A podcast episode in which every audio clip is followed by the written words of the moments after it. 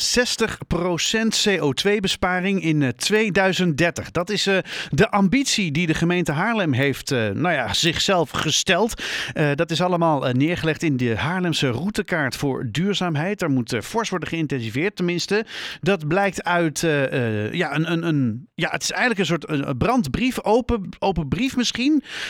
voortgang van het klimaatbeleid van de gemeente Haarlem, geschreven door de Klimaatcoalitie. Aan de telefoon heb ik Karel van Broekhoven. Hij is van die klimaatcoalitie. Karel, goedenavond. Hallo, goedenavond. Goedenavond, want uh, um, ja, die, die, die 60% CO2-reductie die uh, uh, in 2030 zou moeten plaatsvinden, gaat niet gebeuren, zeggen jullie? Nee, dat gaan ze in ieder geval met de huidige plannen niet halen. Um, als je ziet, als je dat gaat bekijken van wat nou precies concrete voornemens zijn, dan zijn dat allemaal toch wel hele wollige verhalen. Uh, waarvan je zegt, ja, als dat, als dat het is, dan komen we nog niet eens op de 50. En die, worden dan, die zijn dan het gevolg van rijksbeleid. De, de bijdrage die de gemeente zelf gaat leveren, die wordt verwaarloosbaar. En wij, wij hebben dit rapport geschreven eigenlijk met de bedoeling om de gemeente een beetje bij de les te houden en te zorgen dat ze er wat meer vaart achter zetten. Ja, en, en, nu is het natuurlijk zo dat er, uh, uh, ja, er zijn nog best wel wat dingen te doen om uiteindelijk ervoor te zorgen dat we misschien toch in de buurt komen van die 60%. Kijk, die 60% die gaan we sowieso niet halen, hoor ik je zeggen, toch? Nee, het is nog sterker. De gemeente stelt zichzelf 65% aan. Oh joh. En die hebben daarbij dan 5% reserve genomen. Van mm -hmm. stel dat ze het niet halen, nou, een beetje marge. de 60. Maar ik, uh, ik uh, weet zeker dat ze dat absoluut niet gaan halen. Oh jee. Uh, en wij hebben daar dus ook wel een aantal voorstellen voor wat, je, wat ze dan extra moeten gaan doen om dat eventueel wel te kunnen halen. Ik wil zo meteen even door die voorstellen heen. Um, want ik, ik, ik, moet eerlijk zeggen, ik begreep er een paar niet zo goed, maar dat, dat kun je me vast uitleggen. Maar allereerst, die, die 60% of die, die CO2, is dat zo hard nodig dan? Ja, eigenlijk is het natuurlijk 100% nodig, want we horen natuurlijk dagelijks van alle problemen met de zeespiegelstijging en de, en de verstoringen van het klimaat. Hoe eerder we uh, tot een reductie van de CO2-uitstoot komen, hoe beter natuurlijk. 60% is de Europese doelstelling, hè? dus die, die, ze zijn er zelfs verplicht. Die zijn, die zijn gewoon verplicht, daar, daar, moeten we ons in principe gewoon aan houden. Maar ja, dat gaat ons niet ja. lukken, begrijp ik. Um, nee. Maar nu zijn er wel wat uh, aanbevelingen die jullie doen. Kun je, kun je er, de belangrijkste er eens even uitpakken voor me? Nou, het belangrijkste is eigenlijk dat er veel meer moet worden ingezet op isolatie van huizen. Hmm. Er, um, er, zijn wel plannen om, uh, uh, om, om, huizen te gaan isoleren en om de gemeente daar een rol bij te laten spelen. Maar dat, uh, als je ziet wat daar dan aan geld bij zit en voornemens, dan is dat bij lange na niet genoeg. Ze Hmm. willen iets van 65.000 huizen isoleren tot 2030. Dat is op zich een mooi voornemen, maar daar, daar is helemaal geen invulling aan gegeven. Dus uh, wij zeggen van, uh, ga nou eens een keertje concrete plannen maken om dat te bereiken. Dat betekent elk jaar 10.000 huizen isoleren tot 2030. Nou, uh, wat ze tot nu toe hebben gepresteerd is nog niet eens 10.000, denk ik. En dat is natuurlijk een enorme opgave, 10.000 huizen per jaar isoleren. Ja. Dus dat is de aanbeveling nummer 1.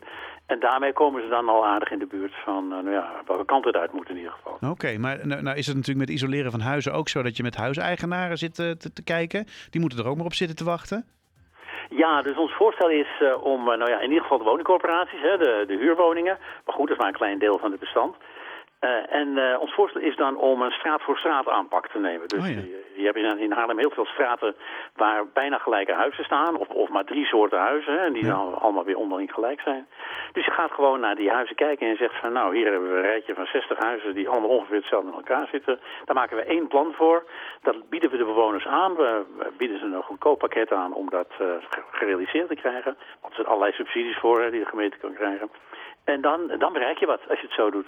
Maar als je dat de bewoners zelf overlaat en alleen maar wat, wat nu gebeurt, is alleen maar wat isolatiepakketjes aanbieden en een beetje, beetje reclame maken, dan schiet het niet op natuurlijk. Dat is te weinig. Ja, ja, ja. mensen zitten daar niet op te wachten. Het is Nee. ook een heel gedoe, hè? Ja, I know. Ja. Het is niet alleen heel duur, je, je moet ook uh, heel veel overhoop halen. Als je bijvoorbeeld uh, vloerverwarming wil aanleggen, wat wel vaak nodig is, dan uh, moet je hele vloer open. Dus Ja. dat is geen kleinigheid. En Nee. dat doe je alleen als je daar op een hele goede manier bij geholpen wordt. En, uh, en, en ook een beetje zeker bent dat het gaat lukken. En nu zie ik ook staan uh, dat jullie uh, graag wind, werk willen maken van windmolens in de Waardepolder. Ja, dat is toch wel een doorn in ons oog. Die dingen staan al tien jaar stil. Er staan daar drie windmolens. Ja. En uh, de gemeente heeft al heel lang het voornemen om die weer aan het draaien te krijgen. En dat lukt maar niet. Mm. Dat vinden we dan toch wel een beetje raar. Uh, waar wel is, wil is, is een weg. En zeker als je zulke hoge doelen stelt als de gemeente zich uh, stelt... dan mag dat toch wel eens een keertje gaan draaien. Dus we vinden dat daar veel te weinig inzet op. Ja, een beetje actie in de taxi hoor ik je zeggen. En dan zie ik ook nog iets over het warmtenet in Schalkwijk. Dat begreep ik niet zo goed. Is, dat was het paradepaardje eigenlijk van het klimaatbeleid van Haarlem. Ja. Ze wilden eerst 12.000 woningen in Meerwijk en, en andere delen van Schalkwijk gaan aansluiten op een warmtenet. Ja. Want die warmtenet is mode, hè? dat doen, gebeurt overal in het land. Hmm. En dat zou dan heel veel CO2 besparen. Ondertussen is die 1200 gere uh, 12.000 gereduceerd tot 1100. Oh. Dus daar blijft niks van over. En ja, dan is het wel een heel project. De gemeente moet dat toch allemaal managen. De, bijna evenveel inspanning als wanneer er nog 12.000 waren. voor maar 1100 woningen. En als je dan kijkt welke besparing daar bereikt wordt, is dat ook nauwelijks de moeite waard. Dus wij zeggen van laat dat nou zitten, want dat kost je zoveel ambtelijke capaciteit en Ja, zoveel ja. geld en eh, zoveel inspanning. Besteed diezelfde ambtelijke capaciteit nou aan dat isolatie. Precies. Want ook dat is best een ingewikkeld iets.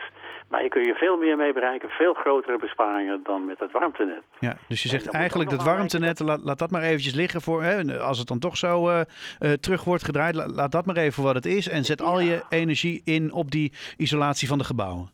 Ja, en een andere aanbeveling die wij hebben is doe maar aan het autoverkeer. Want eh, het autoverkeer is een hele grote bijdrage aan de CO2-uitstoot. Hmm.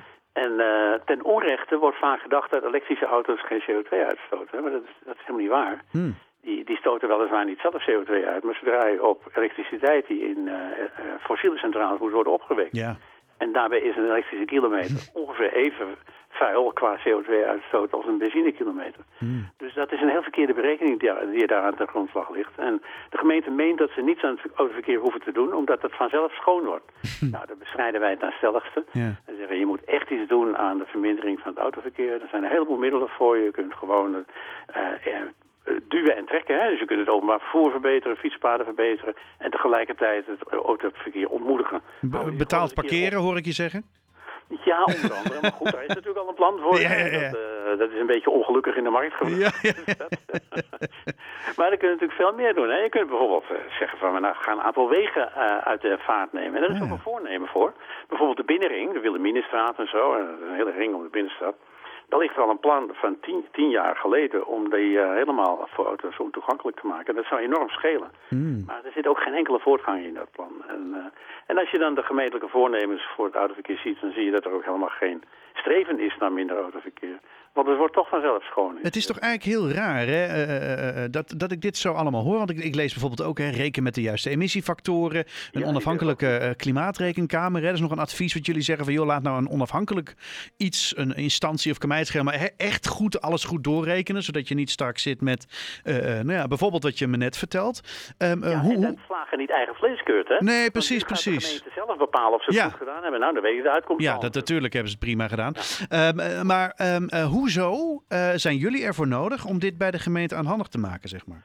Nou Dat vraag ik me dan een beetje af. Coalitie, hè? Wij zijn een, eh, een samenwerking van een aantal organisaties die zich daar heel erg druk mee eh, over maken. Ik ben bijvoorbeeld van Milieudefensie, maar er zitten ook mensen van Grootouders voor Klimaat en van Extinction Rebellion. En dat zijn allemaal organisaties die, die zien dat het niet opschiet.